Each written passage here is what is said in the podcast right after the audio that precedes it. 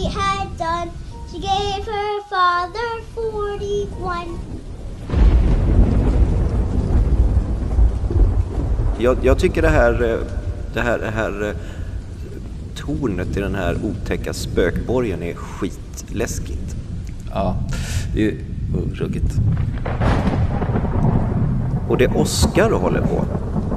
Ja, måste jag säga. Sen de här skuggorna som man ser där liksom röra sig runt omkring och bakom fönster. Och, ja, det här är obehagligt. Ja. Och eh, inte Steven Price utan hans kusin. Vad fan heter han? Vincent Price. Och har du märkt att Vincent Price, han som talade så otäckt i förra avsnittet, Ja.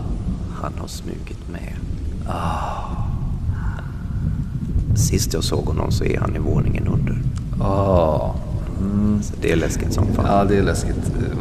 Ha, har vi någonting? Hur är det? Vitlök, speglar. Är det någonting som funkar mot de här eh, liksom, typerna? Vad sägs om en kram?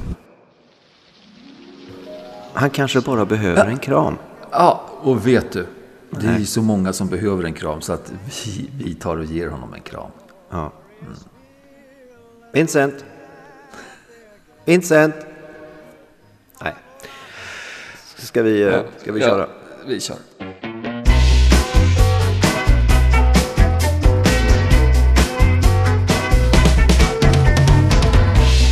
Hej alla små och stora spöken och andra som lyssnar på den här podden och välkomna till vårt avsnitt Alice Coopers betydelse för komposition del 2.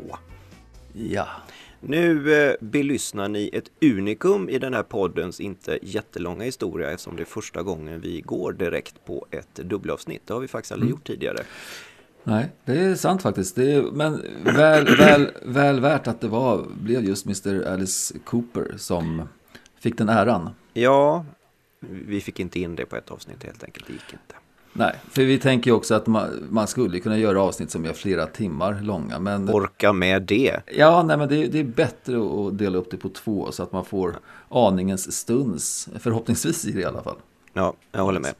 Ja. Eh, för er som aldrig har hört den här podden tidigare så är det ju synd att ni börjar på avsnitt eh, två av Alice Cooper. Då föreslår vi att ni stänger av nu och så går ni tillbaka till avsnitt ett. Men när ni återkommer till ungefär den här platsen i avsnitt två så är det så att podden heter X betydelse för Y och det heter den på grund av att i slutet av varje avsnitt som då inte är ett dubbelavsnitt så har Sverker och jag två stycken kuvert. Ett kuvert med en massa rockband i som vi har samlat ihop och ett kuvert med en massa ord som har med lärande och eller kommunikation att göra. Och då drar vi en lapp ur varje kuvert och så blir det vad det blir. Precis, och då blev det för ett antal veckor sedan eh, Alice Coopers betydelse för komposition. Eh, Ja. Och det är därför vi är här nu eh, igen, så att säga. Mm. Eh, ja, förra avsnittet då, eh, det avslutades ju med eh, vår vän Alice eh, mörka period. Ja, precis. Vi har ju pratat rätt mycket om Alice Cooper i någon form av kronologisk perspektiv. Mm, precis. Det här avsnittet så tänkte vi att vi faktiskt skulle prata om kompositionen av Alice Cooper. Alltså vad var det som faktiskt byggde honom? Mm. För det tycker vi är lite mer intressant och dessutom så blir det lite mer fokus på ordet komposition då. Yes. Och det är ju precis så eh, att han, han har ju komponerat sig själv. Ja, men på ett metaplan så är det ju faktiskt så. Eh, och ursäkta om vi låter lite pretto nu, men, men Alice Cooper byggdes ju ihop av, av flera andra personer än honom själv. Det är ju lätt att förledas att tro att Alice Cooper gjorde allting som blev Alice Cooper. Men precis som med alla andra stora händelser så är det ju inte en person som påverkar utvecklingen av detsamma. Nej. Eh, så det tänkte vi att det här avsnittet skulle handla om. Eh, Först dock så känner jag att eh, förra avsnittet så tog det en jävla tid innan vi kom in och började spela någon musik. Ja, ja, ja. ja. Och de första två, tre låtarna var dessutom helt värdo. Så jag tänker Ja. att kan vi inte bara börja med något? Ja, det kan vi göra. Vad, vad har du på känn? Nej men jag har- känner så här, han, har, han är färdig, han är ren, Mm. han gör albumet Constrictor. Ja, Något från det bara. den här.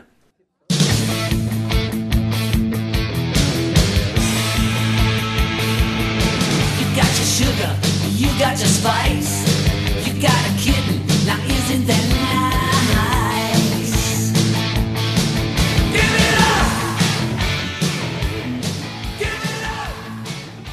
fan vad den är bra. Alltså den är sån jävla rockrökare. Jag tycker den är fullständigt briljant och det jag trodde någonstans när jag började lyssna igenom alla de här låtarna igen att han Ja men du vet, nu är han inte Nu håller han inte på super längre, nu är han inte lika rå inte lika rockig. Så fan heller, han är fetare, hårdare, råare än någonsin. Ja, ja, absolut. Nej, men han, han visar återigen vart skåpet ska stå. Ja. Nu är han tillbaka som en fullfjättrad hårdrockare. Exakt. Nu är det, det är No Mercy, full fart framåt. Jättebra exempel i alla fall. Grymt. Ja, tack. Mm. Hörru du, Ja. om vi då ska se komponenterna som byggde Alice Cooper Mm. eh, så kan jag se att man har lite olika.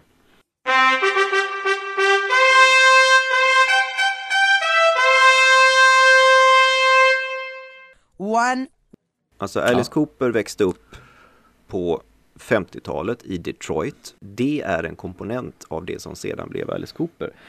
Mm. Eh, han säger själv att han föddes på Butchers Palace. Jaha, okej. Ja. Ja, Eh, ja, alltså redan där så känner Ja, man där. att han är Alice i vardandet. Eh, han föds med barnexem och astma. ja. Eh, barnexemet gick över, astmat gjorde det inte. Nej. Vilket innebar att han kunde ju inte göra mycket det som kidsen kunde göra på den tiden. Så då började han ju förkovra sig i saker och ting som han kunde hitta på. Vilket innebär att han började läsa mycket. Serietidningar, Pulp Fiction, alltså sådana här skräpnoveller som var poppis på den tiden. Okej. Detroit på 50-talet, Paris of the West. Jaha. För att på 20-talet så hade ju Ford, Henry, eh, Mm. fått igång sin eh, biltillverkarverksamhet. Alltså de spottade ur sig bilar. Jättemycket kapital investerades i Detroit. Det byggs jättemycket jättevackra stora byggnader och, Mm. Ja. och där växer han upp. Det är ju klart som fan att det påverkar honom. Detroit, det är en viktig pusselbit. Det är För det att verkligen. Alice blir den han blir. Alltså Detroit är ju en, en musikstad också, inte bara en bilstad.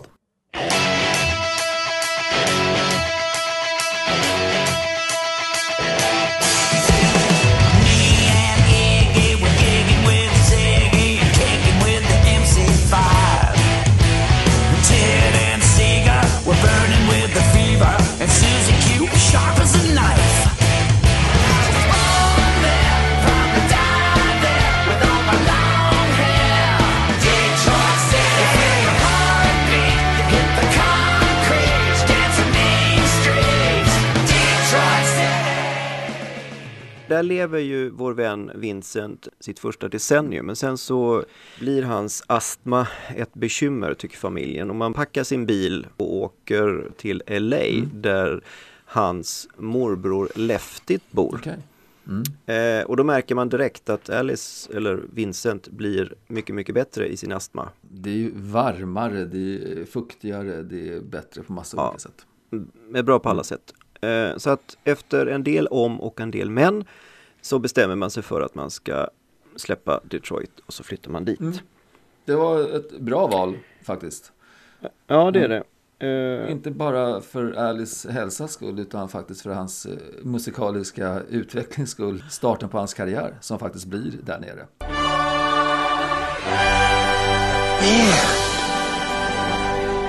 The band.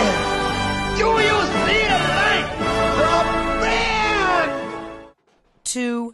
För det vi kanske bara ska, ska nämna då att eh, det gjorde vi i förra avsnittet en del. Men eh, Alice Cooper blir ju, är ju ett band från början. Med honom som, som eh, sångare. så är det ju. De har ju naturligtvis också en jätte, jätte betydelse för eh, skapandet av Alice Cooper-kulten och eh, det som sedermera blev solartisten Alice Cooper. Eh, Ja, men man, man kan säga att det, är den första kompositionen av Alice Cooper som, som sådant. Eh, Och inte minst för Mm. Ja. hans persons räkning också, men via då bandet. Eh, Ja. Hur de eh, blir det här bandet som folk först räds, blir skraja för. Sen blir golvade av och sen hur de då lyckas golva en, en hel värld. Sen är det ju om man ska vara ärlig, det är ju inte en spikrak eh, kaboom take-off. Bandet Alice Coopers första platta, eh, Pretty's for you, är inte bra Nej. alls överhuvudtaget. Och då har vi ytterligare en pusselbit i eh, Alice Cooper-pusslet. Mm.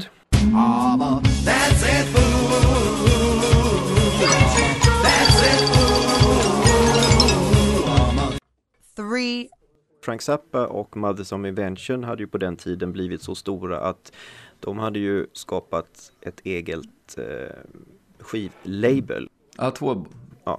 Ett som hette Straight Records där de spelade in, ska man säga bra musik och sen så hade de ett eh, inte bra musiklabel som hette Bizarre. Ja, just det. Precis. Och för att man ska förstå hur illa ställt det var med musikkvaliteten på Alice Cooper vid den tiden så måste man nästan lyssna på några av de andra av Frank Zappas signade artister. Vi har Wildman Fisher, I'm a Christmas tree. I'm a Christmas tree. Everybody hangs their ornaments on me. vi har Captain Beefheart, wanna do what? You wanna do what? Och sen så har vi Girls Together Outrageously.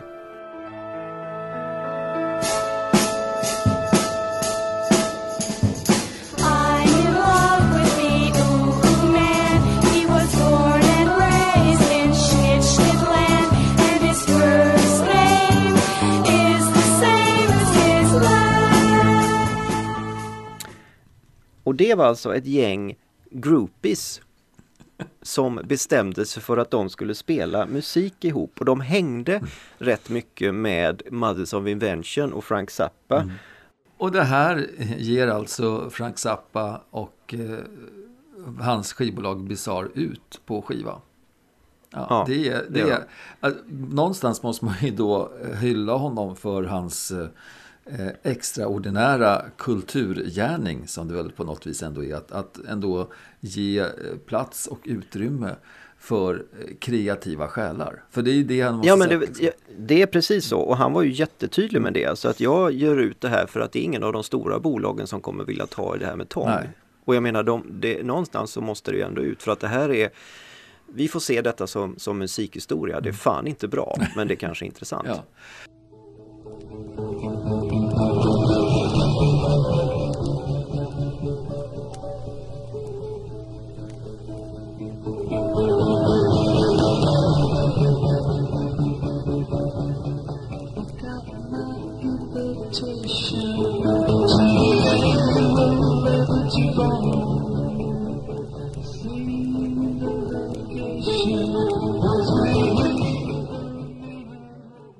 Alice Cooper var ju by far det mest utskällda bandet på hela Sunset eh, Strip när det begav sig. Alltså det var, alla hatade ju dem. Ja, men det är ju som du säger ändå. Det är i det här som eh, är starten på komponerandet av Alice Cooper. Four. Förutom Alice Cooper och alla konstiga band som fanns på The Strip så fanns det ju väldigt många ställen där man kunde spela på den tiden, bland annat The Cheetah Club. Mm. Och The Cheetah Club eh, hade en bokningsansvarig som hette Sherry Cottle. Mhm. Okej. Och av någon outgrundlig anledning, det är väldigt mycket konstiga turer i Alice Coopers tidiga karriär. Så hamnar de hos henne och hon börjar boka dem. Jaha, okej. För hon känner att ja, men det här är så knasigt så att vi får ha dem som någon form av husband. Ja, härligt. Ja. Ja. Ja, det, det, och det, jag tror att det är bland annat där som Bob Esrin lyssnar på dem första gången. Ja, men det är, så, det är så häftigt att eh, alltså två då eh, olika personer som Frank Zappa och hon den här Cheryl, de ser någonting ändå som ingen annan ser, men känner att ja, det här, det här kan man bara inte låta passera förbi. Sverker och jag sa, ni som minns från förra avsnittet, att eh, skiva nummer två kommer vi inte ens att spela någonting ifrån. Men jag tror att bara för att ni ska fatta hur det kunde låta på The Cheetah Club på den här tiden så ska vi ta ett eh, smakprov från deras eh, andra album. Ja, varsågod. Njut mina vänner.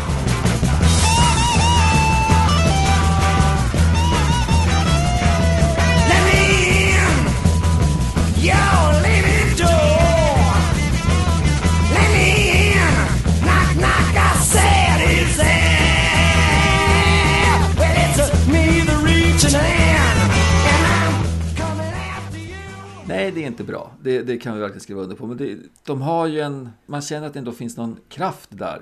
det som de säger själva var ju att de tyckte ju att ju värre medierna skrev, ju mer folk buade, desto mer triggade blev ju de. För de hade ju bestämt sig för, vi ska fan vara det sämsta, värsta, högsta, vröligaste bandet i hela världen. Och dessutom tänker vi klä oss i kvinnokläder för vi ska bryta alla tabun som finns i hela världen. För Ja. det är fingret upp åt hela världen. Alltså, Och jag kan De säga är- så här, det här är det enda bandet som har varit det vröligaste bandet i hela världen. För jag har aldrig hört det ordet förut. Så att det Nej. tycker jag, det var, de, där vann de. Den kampen Mm. vann de utan tvekan. Ja, tack för det Sverker. Eh, och dessutom kan man ju säga att de är ju före punken också. I och med att de liksom, nej, vad fan Ja. då? Det här är, folk spyr på det, låt dem spy. Vi ska göra ännu värre. The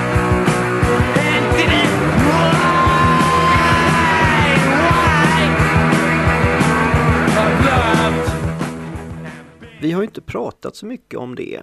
Du är ju väldigt förtjust i att nämna eh, producenterna. Ja, jag För att är de ju- är väldigt viktiga för, för bandets uttryck och sådär. Mm. Eh, vi ska uppehålla oss lite grann vid en annan otroligt viktig pusselbit Mm. i ett bands utveckling och hur bandet kommer att se ut och det är managern. five, Frank Zappa hade en kompis på Straight Record som hette Herb. Och Frank Zappa och Herb bestämde sig för att de då skulle signa Alice Cooper. Och då skulle Herb bli deras manager. Mm. Eh, samtidigt som detta sker så går det kring en liten kille på The Strip och säljer eh, nöjesutbudstidningar och även en viss sorts medicin. Han var droghandlare var han helt enkelt. Eh, den här killen går omkring en kväll, ser helt plötsligt en våldtäkt äga rum. Oh, Och han är inte, han är inte helt rutten så han försöker avstyra det här. ja. Så han rycker undan tjejen och sen så får han sig en riktig fläskläpp. Aj. Men inte av killen, Nej. utan av tjejen. Aha. För det visar sig att det är ingen våldtäkt som pågår, det är ett samlag. Ah. Så han får en fläskläpp och känner att ja, tack som fan och tänker inte mer på det. Nej. Utan han går tillbaka till The Landmark Mhm. Okej. som är då ett hotell som ligger på The Strip. Yes. Där han bor och där bor också en massa andra olika band. Aha. På morgonen vid poolen så sitter han där och tycker synd om sig själv och har väl någon liten isbit på sin fläskläpp. Och då hör han bakom sig en kvinnoröst som säger Hey, aren't you the guy from yesterday? Typ. Och då tittar han upp och ser Janis Joplin. You say that it's over, baby.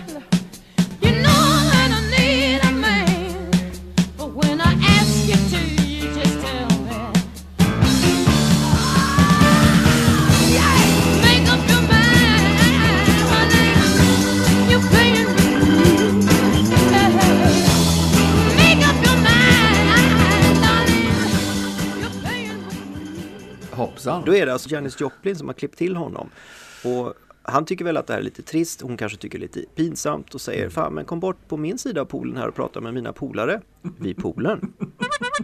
och de polarna som sitter på andra sidan borta där Janis satt, det är Jimi Hendrix Manic depression is touching my soul. To The Chamber Brothers.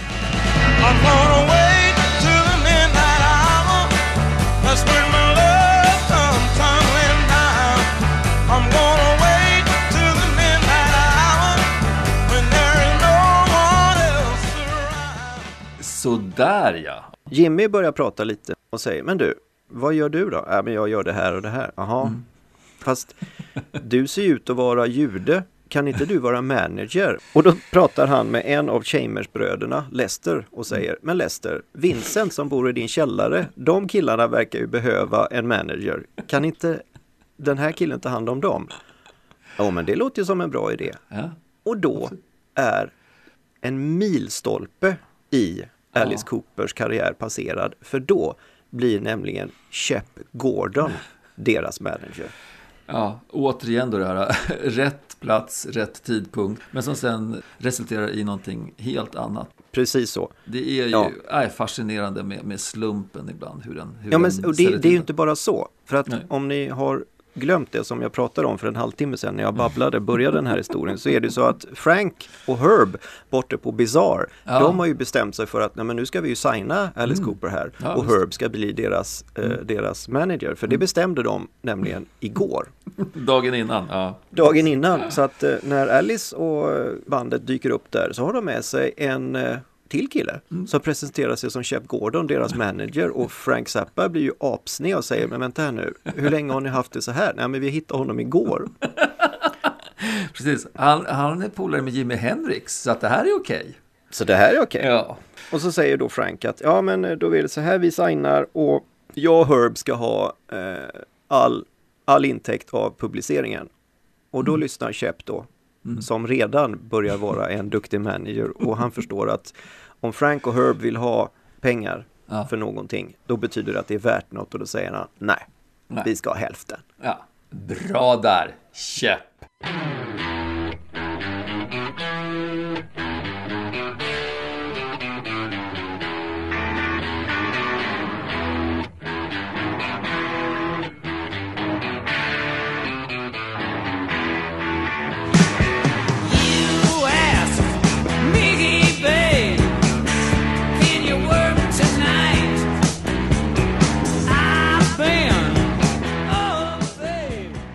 Så att Shep Gordon betydde jätte, jättemycket under väldigt, väldigt lång tid för både bandet och sen för när Alice Cooper eh, jobbade på, på egen hand. Ja, nu har vi kommit en bit in i, vi kan säga brandet faktiskt, Alice Cooper, alltså varumärket av Alice Cooper. Ja. Eh, jag tänkte att man skulle ta nämna någonting om hans eh, liveshower. six, Vad tror du om det? Det är jätteviktigt. Ja, men det är ju det som gjorde att de blev det de blev. Ja, eh, och det här var ju någonting som de eh, drog igång med ganska tidigt. Shep Gordon var ju inte den första managern som, som eh, bandet hade. Jack Curtis då, som var deras tidigare. Vi kommer in till varför vi ska, jag kommer nog hamna i scenshower snart. Ja, tack. Have faith and patience. Då, då, han hjälpte dem jättemycket. Mm. Han köpte en bil till dem. Okej. Han köpte stärkare till dem för han upptäckte att två i bandet spelade ur samma stärkare och han kände men för fan grabbar det här går ju inte. Ja. Och så köpte han en, en så att de fick varsin. Men sen byggde han också en scen. Ah, Och på inför en halloween-spelning då hade Jack konstruerat en giljotin.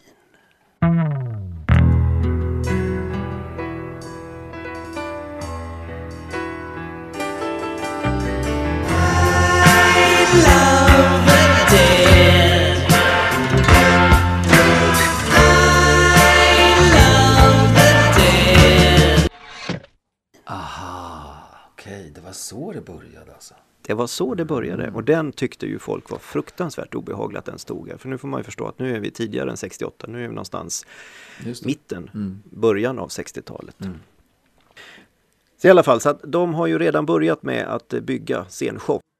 Eh, De har ju byggt ut det här hela tiden med eh, det teatraliska. Det har varit eh, dockor som har föreställt vara döda personer som Alice har dansat med. Typ Cold Ethel, små bebisar. Är det Dead Babies? Ja, Dead Babies. Ja. Så att det, det, det händer saker på en scen. Det har varit eh, borgar. Så att det blir någonting mer att se på. Och det är det de har varit ute efter hela tiden. Att kunna chocka, inte bara musikaliskt. Ja. För det kommer man inte jättelångt med. Utan det måste vara någonting visuellt för ögat också. Eh, och det är ju verkligen en del av kompositionen av och för Alice Cooper.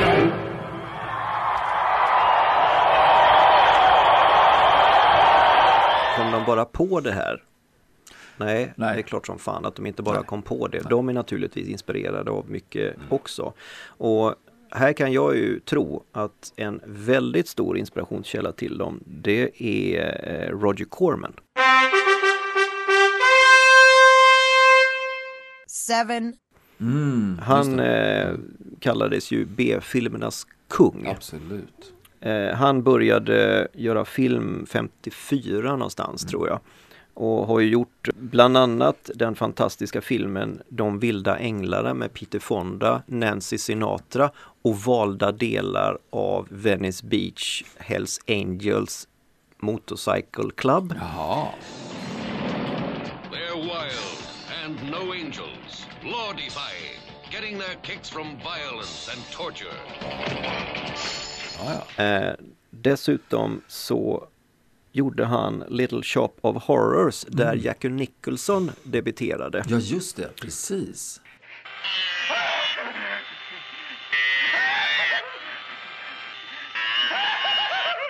Oh my god, don't stop now! Han var väl pass- patienten hos tandläkaren eller någonting, tror jag. Ja, det var han. En sån här eh, sado Ja, verkligen. masochist. Så.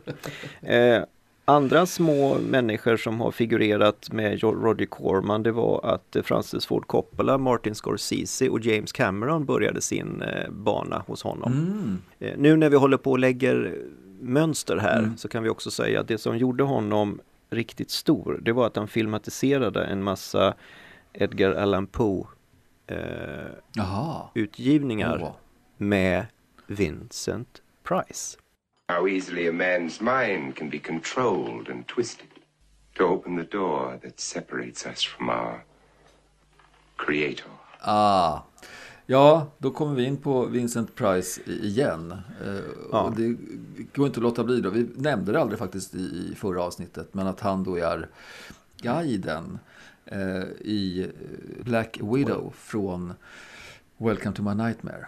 Där han går runt med en liten, liten eh, skolklass och pratar om The Black Widow.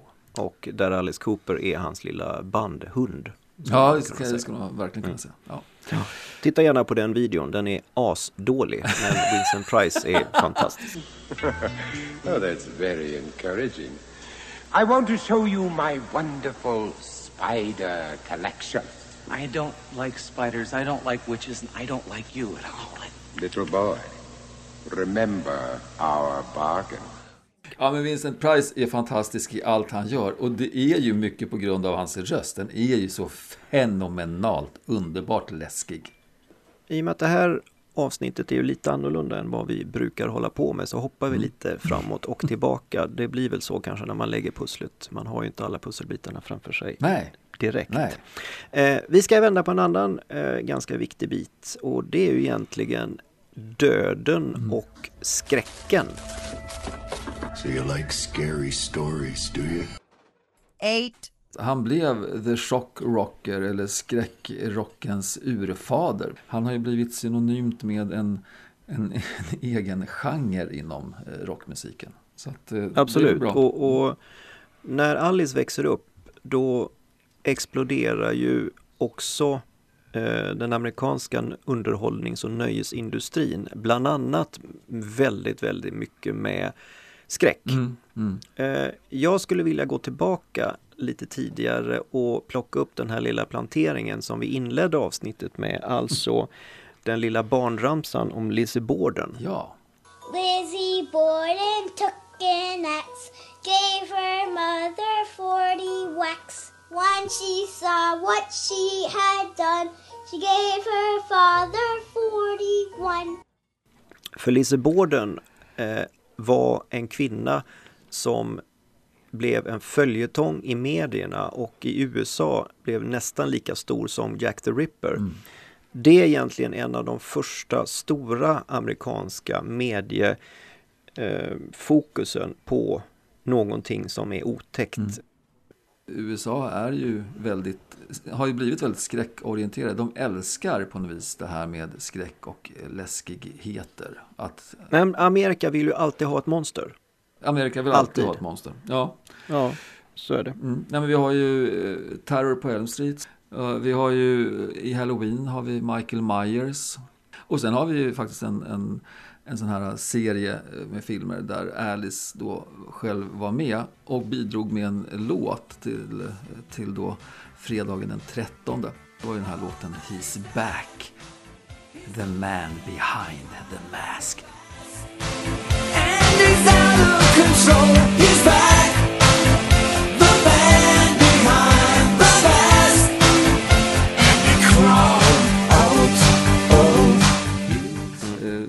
Som du säger, i USA så vill man ha monster och eh, Alice har ju blivit, skapat sig ett, eh, gjort sig själv till ett monster eh, för att han gör allt det som ingen annan vågar att göra. Alice bryter så många tabun. Bland annat tabun av att vara en riktig man. Och nu får vi ju liksom, nu får vi tänka USA 1971. Ja, alltså precis. gay, gay-communityn, gay-rörelsen låg inte så jävla bra till i folks allmänna med- medvetande där. Nej, verkligen inte. Ja. Så det är också ett viktigt att förutom, förutom skräck, förutom död, förutom eh, att, att ligga med lik, förutom att, att äta barn, allt vad han nu vill göra, så är det väldigt många tabun som han medvetet går ut och, och bryter. Nej men jag skulle bara också bara återkoppla till en annan platta som han faktiskt gjorde då 2008 som är i, typ i modern tid. Som också handlar om seriemördare. Det är ju Along came a spider.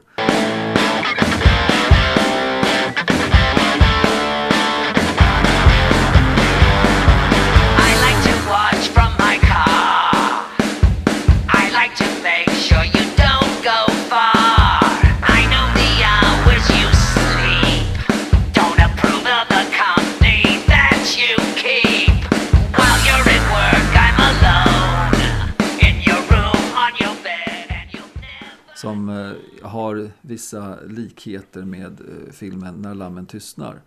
Eh, för det här är en konceptskiva där han pratar i jag-form som den seriemördare han är och eh, tar livet av folk för att typ bygga ihop en spindel. Och ni som inte har sett När lammen tystnar, nu vet ni hur det slutade. Alla har sett När lammen tystnar skulle jag säga. Det är klart Ja, att alla har alla gjort. gjort ja. Ja. Ja, eh, alter ego. Han har ju hållit på, alltså han, om vi pratar Alice Cooper komposition, så han har ju komponerat några alter egon också genom Mm. sin tid som artist. nine, Eh, här var Ja. han ju då en seriemördare och det är ju liksom den senaste han har gjort. Eh, Mm. Han har ju varit Steven eh, i Welcome to my nightmare. Men även i faktiskt eh, plattan då Last Temptation så återkommer den här Steven-karaktären.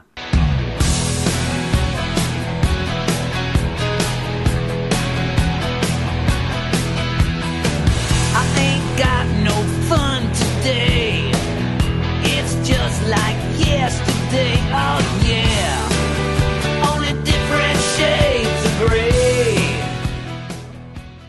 Och då träffar han The Showman. Ja, men precis. Det roliga är att Ja. eh, den är ju ett, eh, ett samarbete faktiskt med en av dåtidens största serietecknare.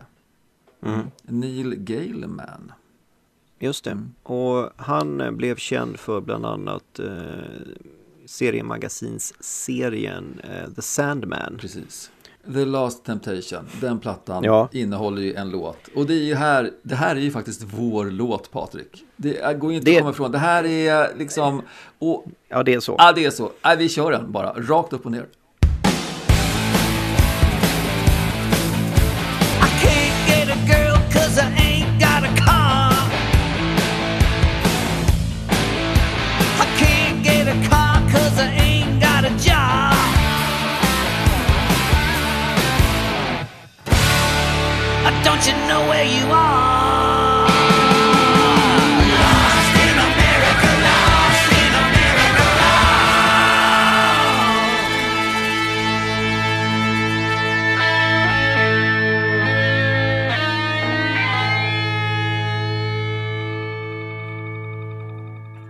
Det är här eh, alla 25 lyssnare eller vilka vi har där ute, det är här allting strålar samman. Ja, det det. Ska man säga. Det, det, det här, här är slutet och början av min och Sverkers eh, Alice Cooper. Mm, ja, men utan tvekan. Och det här är ju också...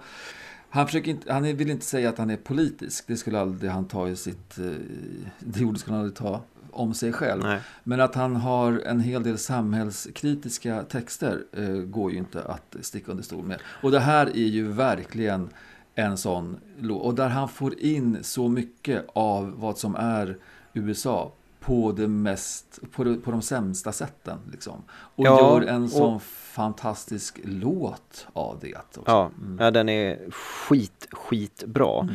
Och här är ju också, visar ju också Alice Cooper att han är ju ingen han är ju inget dumhuvud. Det, det är ofta så att man har en fördom Mm. om, om rockartister, att de börjar med det för att de inte kan göra något annat. Mm.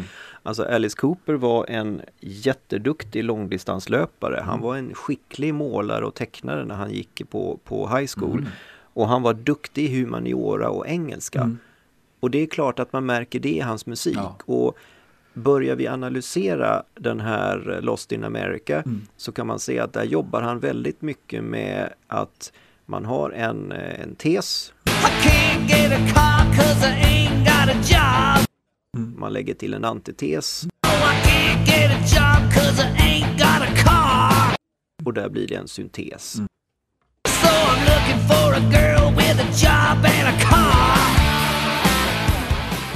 Det är ganska snyggt. Och också visar det här hur det har blivit med ungdomar idag, att de sitter bara och drömmer saker och de kan inte förmå sig att resa sig ur stolen och gå ut och göra någonting åt utan de måste ha saker hela tiden. Eh, det, den är, låten är jättebra, briljant. skivan är jättebra och läs gärna eh, seriealbumen som är knutna till det. För det, Ja. det tycker jag också är jävligt häftigt att man kan komponera en skiva och koppla det till ett helt annat medium och göra en, en eh, cool komposition av det. Pusslet Alice Cooper läggs hela tiden. Eh, Alice Cooper gjorde ju jätte, jättemycket under 90-talet men vi, eh, vi orkar inte göra ett avsnitt till med honom. Vi måste gå vidare så att vi kommer snabbspola Ja. och, och någonstans eh, landa i eh, 2012. Ja, 2011 kom väl egentligen Ja. den här plattan tror jag. Ja, Som vi tänkte prata om. 2011 så kommer ju Welcome to My Nightmare Mm. där då eh, tvåan har lagts till som en liten Alice Coopersk lustighet. Eh, där han då eh, kliver vidare och eh, gör i mitt och Sverkers stycken en fullständigt briljant eh, skiva. Eh, Mm. Bland annat med den här.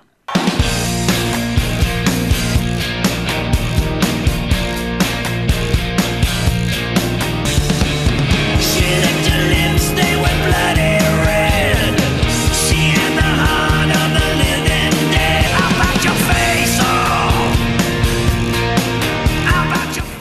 Skitbra låt, eh, Ja. igen fruktansvärt obehaglig, eh, Alice Cooperig, eh, tjejer som biter av en ansiktet, man vill ju helst inte ha det men samtidigt så blir man fascinerad och dras med för att det är sån jävla bra grove i låten. Ja. ja, men det är det. Och eh, det finns en anledning till att det är en väldigt bra groove i både den här låten och faktiskt hela albumet. För att eh, här har han ju dragit ihop sig med sin gamla producentkompis Bob Esrin igen. 10, Och inte bara det. Han har ju dragit med sig de kvarlevande medlemmarna från originalbandet Alice Cooper. Eh, både Dan- Dennis Dunaway, eh, Michael Bruce och Neil Smith är faktiskt med på den här plattan. Och de bidrar inte bara med att de lirar på några låtar utan de bidrar även med att de har varit med och komponerat några låtar. Eh, och vi måste väl då ta en liten snutt ifrån den här.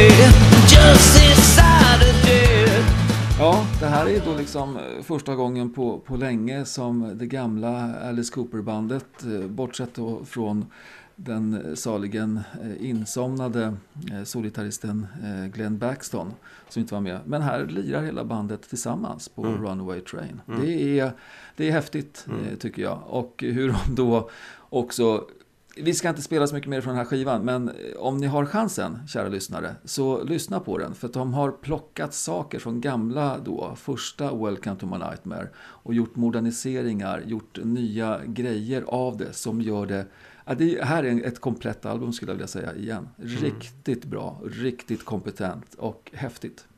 Vad är, vad är det med Runaway Trains verkar? Det är någonting speciellt med det. Ja, men det är med Runaway Train, det är det att det finns ingen refräng i den. Det är, det är bara en, ett stycke A, A, A, A, A, som vi pratade om det här med musikkomponerandet. Ja. Att den bara, den bara tuffar på. Ja. Eh, Men ändå eh, väldigt bra. Det finns ju många låtar och många artister som jobbar med det här. Men det här är ett väldigt bra exempel på en låt som, den, som ett tåg. Den bara Ja. tuffar, tuffar, tuffar. Ja. Det är häftigt. Jag har en liten, liten grej om den saligen insomnade Glenn Buxton. Mm. Eh, någon av alla de här gåtorna som omger Alice Cooper är ju just Alice Cooper. Varför Mm. heter han Alice Cooper? Vi har ju pratat om det jättemycket och vi har Ja, kommit visst. fram till att det är troligen inte en, en 1700-talshäxa för det är bara trams. Det har vi redan Ja. gjort klart för oss. Ja. Eh, det skulle kunna ha varit Ackes eh, tjejs mamma. mamma. Eller någon i någon sån här obskyr amerikansk 50-tals tv-serie. Men Glenn Mm. Buxton Mm. har också sagt det här. Ja. Vad tror ni själva? Vi var ett oerhört anglofilt band som var väldigt med tummen och näsan i vinden och hade alla tentaklerna ute. Mhm. Om, man, om man tänker vilken är en av de största fantasy-sagorna skrivna någonsin från England? Jo, Alice Jaha. i Underlandet. Aha. Om man sen då tittar på vilken bil det var Mm. som vann Monte Carlo-rallyt 1964. jo, det var en Cooper Mini. Om man vad sätter ihop de två,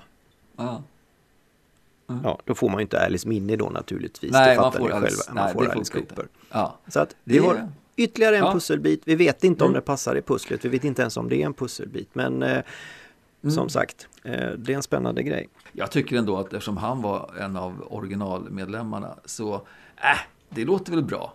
Vi kan väl tänka oss att det kan vara den, det som rimmar mest med sanningen faktiskt. Det får bli våran sanning.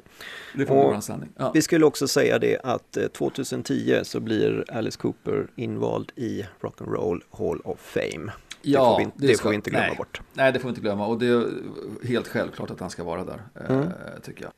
Vi måste i alla fall göra någon liten konklusion. Om vi nu har haft två avsnitt om Alice Cooper och hans betydelse för komposition, Mm. så måste vi faktiskt kunna säga, har han haft någon betydelse för komposition? Jag skulle säga att Alice Cooper har haft en otrolig betydelse för hur man komponerar en artist. Ja. Eh, hur människor av ödets nyck, av en slump eller av en väldigt målmedveten och jävligt stor arbetsinsats komponeras ihop tillsammans och blir eh, någonting fantastiskt världsomvälvande stort. Så ja, Ja. absolut. Ja, och jag, jag kan bara säga ja, jag håller Mm. med om allt. Nu kan vi gå till vårt lilla, vad ska nästa program handla om? Ja, då ska vi se Skulle, här. skulle Eh, du dra artisten idag då? Jag drar artisten idag. Du drar artisten idag? Ja, okej. Eh, Okej. Nej men vad fan, det här blir nästan löjligt. Ja. Få höra. Eh, mina damer och herrar, barn. Nästa avsnitt i poddserien X betydelse för Y kommer att heta David Bowies betydelse för Formgivning. Vad säger du om det? Jag brukar ju alltid säga jag blir så himla glad men nu är jag så överväldigad av glädje så att jag kan inte säga någonting. Eh, Ja. Okej. Men Ja, du, vi- nej, men du vänta, Mm. eh, Ja. ursäkta, vi, vi, får, Ja, ja, ja, ja. Vi, vi, får, vi får göra lite till. Ja, vi får, ja, det får vi göra. Okej. För att jag kom just på en sak. Ja. Jag satt nämligen Ja. och, och tittade på en massa eh, YouTube-klipp eh, nu. Okej. Eh, Ja. Alice Cooper bildade ju en eh, dryckesklubb eh, tillsammans med, med just en det. massa andra killar som kallades Mm. för eh, Hollywood Vampires. Det var Ja. han som grundade den. Mm. Eh, alla ni som lyssnar nu kanske tänker, men vänta här nu. Hollywood Vampires, det låter bekant. Och det är det Mm. Ja, också. det. Det är nämligen nästa pusselbit i Alice Cooper-pusslet. Och Mm. han satte ju nämligen ihop en grupp Ja, precis. med bland annat gitarristen eh, från Aerosmith Joe Perry. och Johnny Depp. Jajamän.